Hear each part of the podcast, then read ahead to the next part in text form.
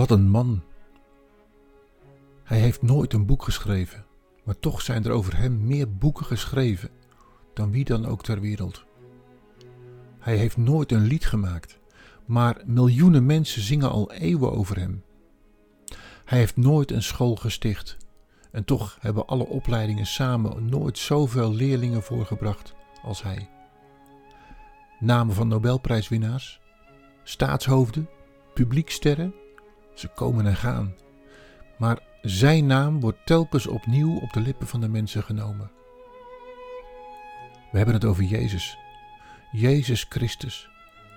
Wat een man deze Jezus. Moet u zich voorstellen.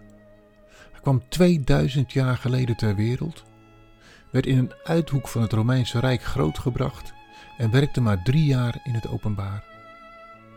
Toch is hij geen moment uit de aandacht van de mensen verdwenen.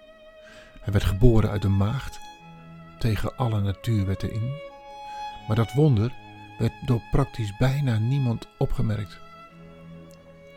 Hij groeide onopvallend op in een timmermansgezin, leefde in Israël in een onaanzienlijk klein landje.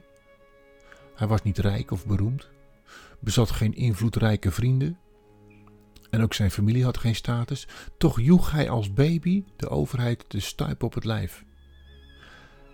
Als twaalfjarige jongen deed hij de geleerden versteld staan en als volwassen man deed hij echt wonderlijke dingen. Hij veranderde water in wijn, liep over water en suste de storm.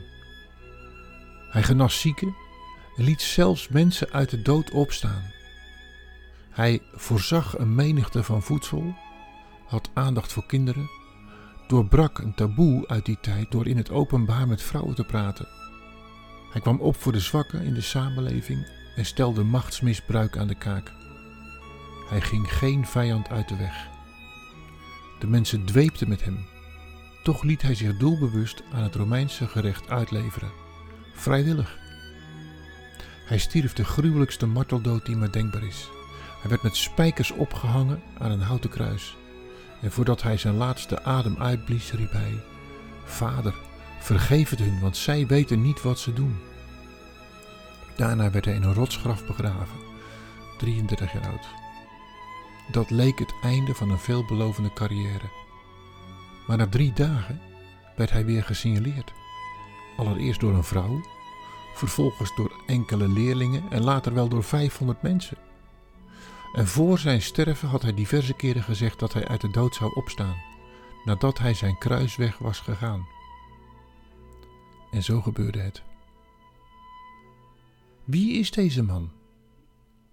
Uit alles valt op te merken dat er een geheim achter Jezus optreden schuilt.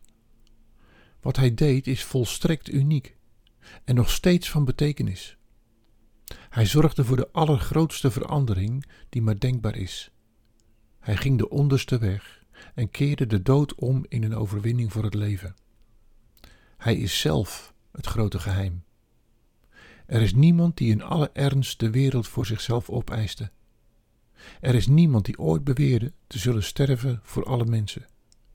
Er is niemand die met klem verzekerde dat hij zou opstaan uit de dood. Er is niemand die beloofde dat hij zijn geest zou uitstorten. Er is niemand die zei dat hij uit de hemel was, zal terugkomen om iemand te oordelen.